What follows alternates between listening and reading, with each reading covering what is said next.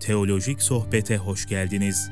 Bu programda Hristiyanlık ve özellikle de geleneksel protestan ilahiyatı ile ilgili konuları konuşuyoruz. İster tarihsel, ister güncel konular olsun, hepsini bu yayında dinleyebilir ve sorularınızı rahatça sorabilirsiniz. Sormaktan çekinmeyin. Çünkü gerçeği bileceksiniz ve gerçek sizi özgür kılacak.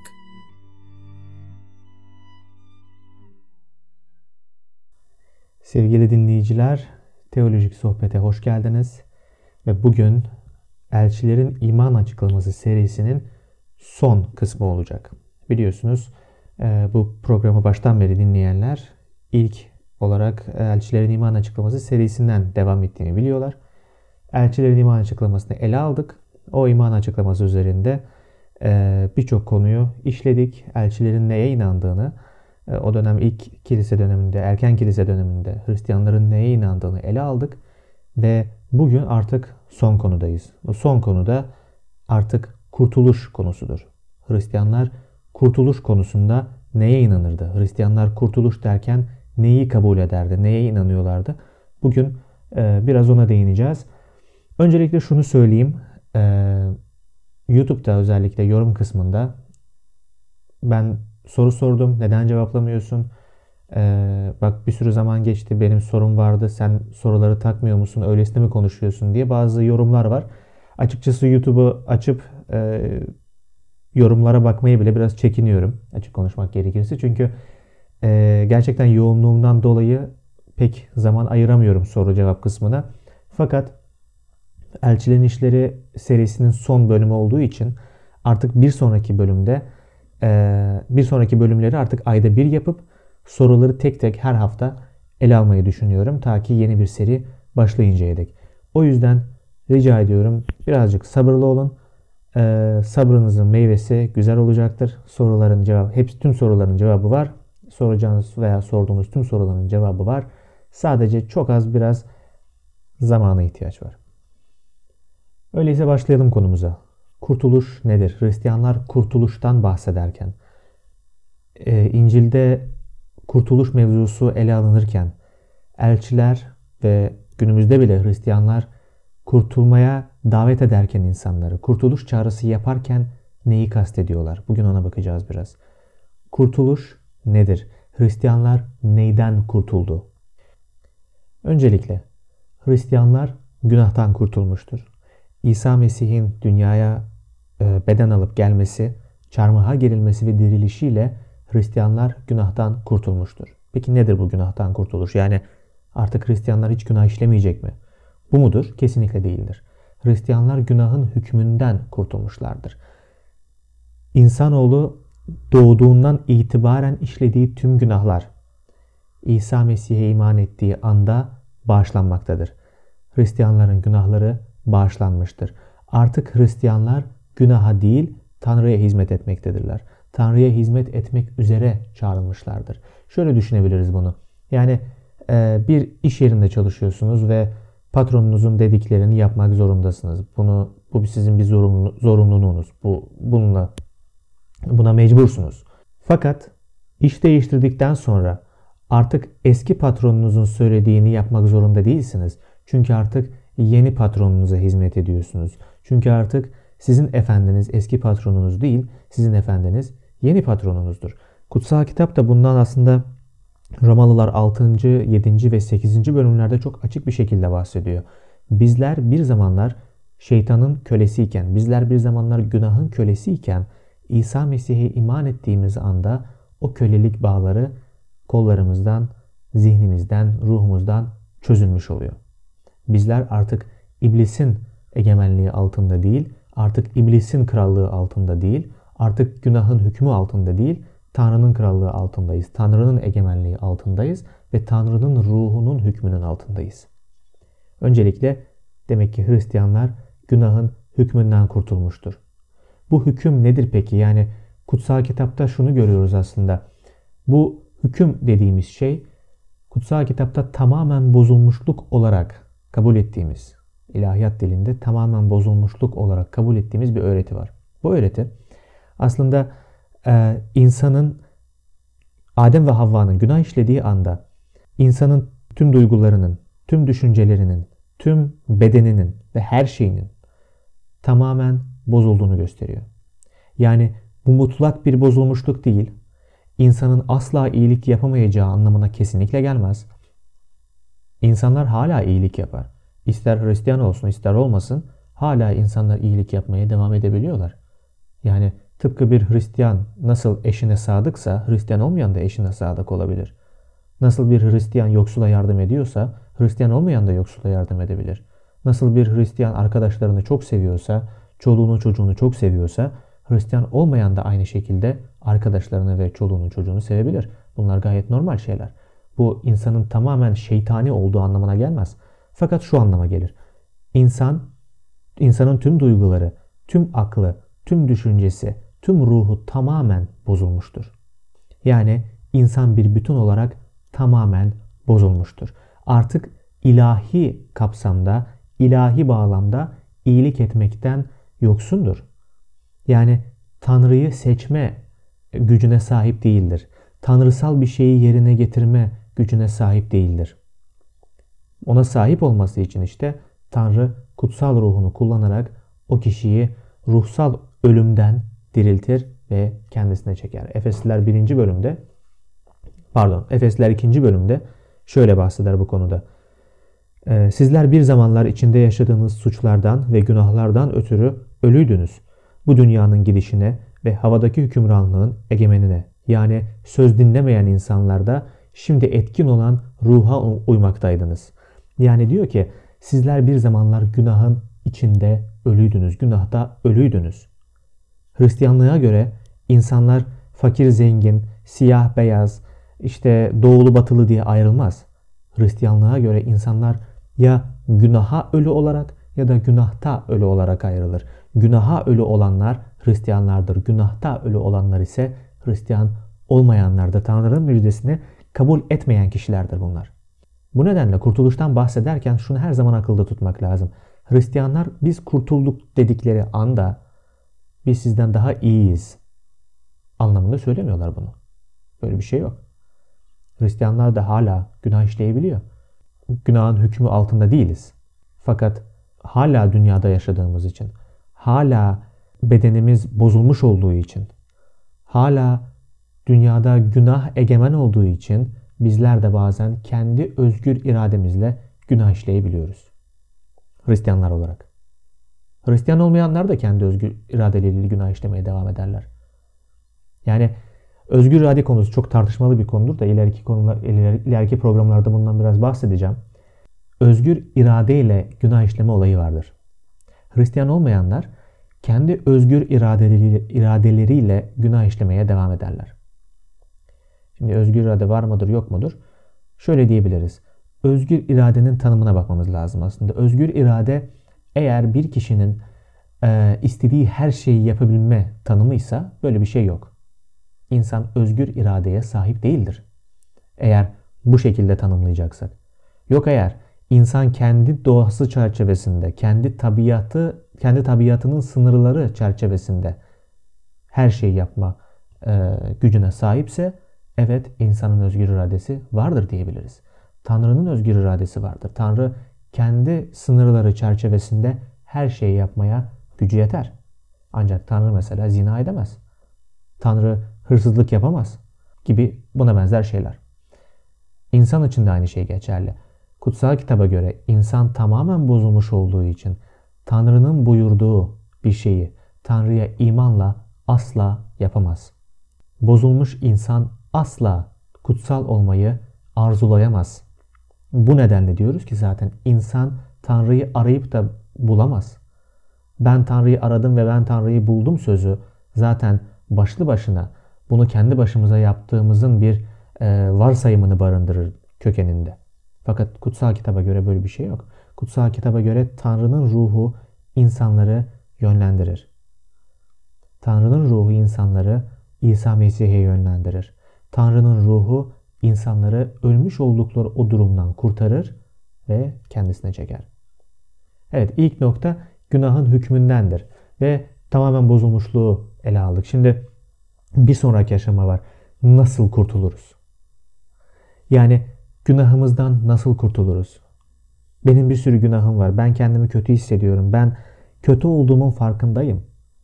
Mesela ben e, Tuğrul olarak e, Hristiyan olmadan önce, Hristiyan olmadan kısa bir süre önce şunun farkına vardım.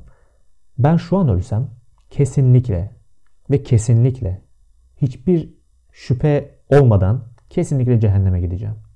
Benim inancım buydu. Ben böyle inanıyordum. Çünkü kendimde iyi bir şey görmüyordum. Ama bu kendimde iyi bir şey görmemem kutsal ruhun müdahalesi dışında bir şey değildir. Kutsal ruh beni bu şekilde yönlendirmiş ve kendimi kötü bir şekilde Tanrı'nın tam olarak beni gördüğü şekilde görmemi sağlamıştır. Ben günahlıydım. Hala günahlıyım. Hala günahkarım daha doğrusu. Artık bir günahım yok. Çünkü Tanrı beni bağışlamıştır. Tanrı günahın hesabını sormayacaktır. Burada yanlış anlaşılmanın önünü kesmek için şunun ayrımını yapmak çok önemli. Yani Hristiyanlar hala günah işlerler. O anlamda evet günahlıyız. Fakat Tanrı bu günahın hesabını sorarak bizi son günde cehenneme atacak mı? Kesinlikle hayır. Bu anlamda Hristiyanlar günahlı değildirler ama evet Hristiyanlar e, günahlıdır. Peki nasıl kurtuluruz? Yüreğimizde bir yük eder o günah. Yüreğimizde bir ağırlık eder o günah. Tanrı'ya karşı, her şeyi yaratan Tanrı'ya karşı büyük bir e, suçun içerisindeyiz aslında. Büyük bir baş kaldırının içerisindeyiz. Peki nasıl kurtulabilirim? Kutsal kitap kurtuluşun yalnızca ve yalnızca imanla olduğunu söylüyor. Efesliler, yine Efesliler 2. bölüm 8. ve 9. ayetler şöyle diyor. İman yoluyla, lütufla kurtuldunuz. Bu sizin başarınız değil, Tanrı'nın armağanıdır. Ve şu cümleye dikkat edin. Kimsenin övünmemesi için iyi işlerin ödülü değildir. Yani kimsenin övünmemesi için sevapların ödülü değildir. Yaptığınız iyiliklerin ödülü değildir. Siz kurtuluşa kavuştuğunuz zaman siz daha zekisiniz veya daha e, akıllısınız diye kurtulmazsınız. Yani bu herkes için geçerli. Ben daha zeki olduğum için kurtulmadım. Hayır. Ben çok mu akıllıydım da kurtuldum? Hayır. Ben çok mu açık gözlüm de kurtuldum? Kesinlikle hayır. Yani Tanrı e, daha doğrusu insan insanın kurtuluş olayı kesinlikle sahip olduğu nitelikleri değil, Tanrı'nın sahip olduğu niteliklerden dolayıdır. Tanrı merhametli olduğu için bizler kurtuluruz. Tanrı lütufkar olduğu için bizler kurtuluruz. Bazı e, arkadaşlar, bazı kardeşler kilise içerisinde bile bazen e, farklı görüşlere sahip olan insanlar olabiliyor. Diyorlar ki ya ben kendim seçtim Tanrı'ya gelmeyi. Tamam güzel. Öyle düşünüyor olabilirsin. Ama arka planı var olayın. Olayın arka planında aslında Tanrı seni ona gelmeye teşvik etmiş, ona gelmeye yönlendirmiştir. Kutsal ruhun yönlendirmesidir bu. Bizim kendi başımıza Tanrı'yı seçmemiz, bizim kendi başımıza Tanrı'ya e, gelmemiz söz konusu değildir. Tanrı'nın ruhu olmaksızın hiç kimse iman edemez. Bunun aksini söylemek kutsal kitaba aykırıdır. Bizler lütufla kurtulduk, imanla kurtulduk ve Filipliler bölümünde bahsettiği gibi bizlere iman etme ayrıcalığı verildi. Hristiyanlara iman etme ayrıcalığı verildi. İmanı veren Tanrı'dır. Kurtaran Tanrı'dır. Yunus peygamberin söylediği gibi kurtuluş Rab'den gelir demişti. Ya da kurtuluş Rab'be aittir. Kurtuluş Rab'den gelir. Bizler kendi çabamız, kendi zekamız, kendi irademizle değil, yalnızca ve yalnızca Tanrı'nın lütfuyla kurtulduk. İyiliklerimizle değil.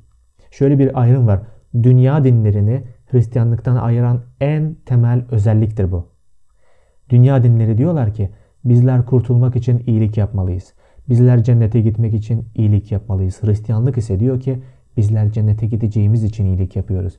Bizler kurtulduğumuz için iyilik yapıyoruz. Cennet bir rüşvet yeri değildir kutsal kitaba göre. Hristiyanlığa göre cennet rüşvet yeri değildir. Tanrı rüşvet almaz. Ve cennet hiç kimsenin hakkı değildir. Cennet o kadar kutsal bir yerdir ki hiçbir günahkar oraya asla giremez. Hiçbir günahkar asla cennete giremez. Peki nasıl girer?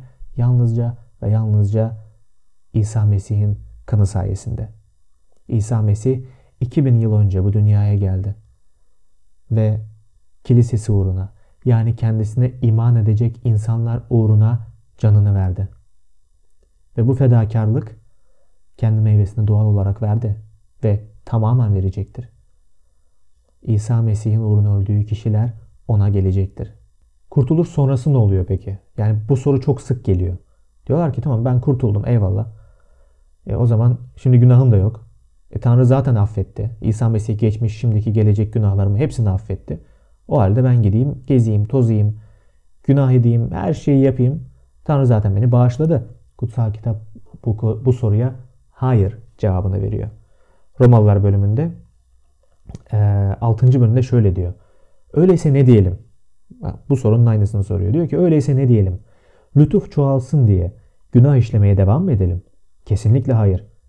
Günah karşısında ölmüş olan bizler artık nasıl günah içinde yaşarız diyor. Yani Tanrı'nın aslında çağrısı günah işleme çağrısı değildir. Tanrı bizi tövbe etmeye çağırdı. Bizler tövbe ettik. Tanrı'ya olduğumuz gibi geldik ve tövbe ettik. Peki o zaman Tanrı şimdi bizim olduğumuz gibi kalmamızı mı istiyor? Kesinlikle hayır. Tanrı bizi günahlı dünyadan aldı, kutsal kıldı, günahlı dünyaya koydu ve günahlı dünyada kutsal olarak kalmamızı emrediyor. Tanrı'nın işi kutsallaştırma işidir. Bir kişi Hristiyan olduğu zaman, bir kişi Tanrı'ya iman ettiği zaman, İsa Mesih'in çarmıhta ölüp dirildiğine iman ettiği zaman artık kutsallaşma sürecine girmiş olur. Tanrı ile barışmış olur. Yani şu demek oluyor. Tanrım evet senin haklı olduğunu kabul ediyorum demiş oluyor. İki, kutsallaştırma ya da kutsallaşma sürecine giriyor. Diyor ki ben artık değişeceğim. Tanrı beni alsın artık değiştirsin. Tanrı ne diyorsa ben onu yapacağım. Tanrı yalan söyleme diyorsa ben yalan söylemeyeceğim. Tanrı zina etme diyorsa ben zina etmeyeceğim. Tanrı nefret etme diyorsa, adam cinayet işleme diyorsa ben cinayet işlemeyeceğim, adam öldürmeyeceğim. Ve tüm bunlar dünya için zor gelebilir. Doğru. Tüm bunlar dünya için kabul edilemez olabilir. Tüm bunlara dünya alay edebilir. Siz de mitolojiye inanıyorsunuz diyebilirler. Desinler. Önemli değil. Önemli değil. Mühim değil. İstediklerini desinler. Bizim bildiğimiz bir şey var. Biz Tanrı'ya iman ediyoruz. Kutsal ruhun yönlendirdiği insanlar Tanrı'ya gelecektir. Eğer bu videoyu veya bu podcast kaydını sonuna kadar dinlediyseniz şundan emin olmanızı istiyorum. Tanrı bu podcast'i dinlemeniz için sizi teşvik etmiştir. Bundan emin olabilirsiniz. Ve Tanrı'nın bu teşvik etmesi boşu boşuna bir teşvik değildir. Tanrı'nın bu teşviği öyle laf olsun diye bir teşvik değildir. Tanrı çağırıyor. Tanrı'nın çağrısına kulak vermeyi unutmayın. Tanrı'nın çağrısı dünyada her zaman büyük bir sevinç olacak diye bir şey değil. Yani Tanrı'ya iman ettiğiniz zaman, Hristiyan olduğunuz zaman ben her gün lay lay lom sevineceğim, her gün gülücük gülücük gülücük böyle bir şey yok. Tabii ki acı çekeceğiz, tabii ki sevineceğiz ama her şeyden en önemli olan bir şey var, bir nokta var. O da içsel sevinçtir. İçsel sevincimizdir. Şunu bileceğiz ki ben Tanrı'ya aitsem, ben e, Tanrı tarafından kurtul, kurtarıldıysam artık Tanrı beni hep koruyup kollayacaktır. Bakın Romalılar bölümü Romalılar 8. bölüm 28. ayet şöyle diyor. Tanrı'nın kendisini sevenlere amacı uyarınca çağrılmış olanlarla birlikte her durumda iyilik için etkin olduğunu biliriz. Çünkü Tanrı önceden bildiği kişileri oğlun benzerliğine dönüştürmek üzere önceden belirledi. Öyle ki oğul birçok kardeş arasında ilk doğan olsun. Yani İsa Mesih'e iman eden Hristiyan olanlar, Hristiyan olan kişiler yani şundan emin olabilirler. Dünya ters dönse, dünya başımıza yıkılsa Tanrı beni koruyor. Ne olursa olsun Tanrı eğer ölmeme karar verdiyse ve ben öleceksem bile nerede olacağımı biliyorum. Ben nerede olacağımı biliyorum. Ben işimi şansa bırakmıyorum. Daha doğrusu Tanrı işini şansa bırakmıyor. Ve ben işini şansa bırakmayan, yalan söylemeyen, insanın içinde kuşku bırakmayan, bu konuda kuşku bırakmayan Tanrı'ya iman ediyorum. Ne mutlu Tanrı'ya iman edenlere. Ne mutlu yüceler yücesi asla yalan söylemez diyenlere. Ne güzeldir ona iman etmek. Çünkü iman ettiğimiz anda şunu biliyoruz. ben daha doğrusu o neredeyse ben de orada olacağım. İsa Mesih neredeyse ben de orada olacağım. Çünkü bunun sözünü o verdi. Size yer hazırlamaya gidiyorum dedi. Bir teselli verdi ve dedi ki ben size esenlik bırakıyorum ve benim verdiğim esenlik dünyanın verdiği esenliğe benzemez. İsa Mesih'in verdiği huzur, İsa Mesih'in verdiği içsel huzur hiçbir şeyle karşılaştırılamaz. Çünkü dünya ne verirse versin. Dünya nasıl bir sevinç verirse versin. Hiç önemli değil. İsa Mesih'in verdiği sevinç hepsinden daha üstündür. O yüzden bu podcast'i sonuna kadar dinlediyseniz ve Hristiyan değilseniz tövbe etmenizi tavsiye ederim. Kutsal kitap tövbe etmenizi buyuruyor. Tanrı tövbe etmenizi buyuruyor. Çünkü asıl kurtuluş ondadır. Ve sizi bu podcast'i sonuna kadar dinlemeye teşvik eden de odur, onun ruhudur. Yok eğer Hristiyansanız, ben Hristiyanım, ben kurtuldum diyorsanız içinizdeki o sevincin bir kez daha farkına varmanız konusunda sizi teşvik etmek istiyorum. Unutmayın, kurtuluş sizin elinizde değil, kurtuluş her şeye gücü yeten Tanrı'nın elinde. Tanrı böyle karar verdi, Tanrı sizi kurtardı ve size sevinci verdi. O yüzden dünyada sizin sevincinizi çalan her ne varsa şunu bilin ki her şey Tanrı'nın kontrolündedir. Her şey Tanrı'nın kontrolündedir. Tanrı sizi koruyor, Tanrı sizi seviyor ve Tanrı sizi korumaya, sevmeye ve bereketlemeye devam edecektir. Hoşçakalın.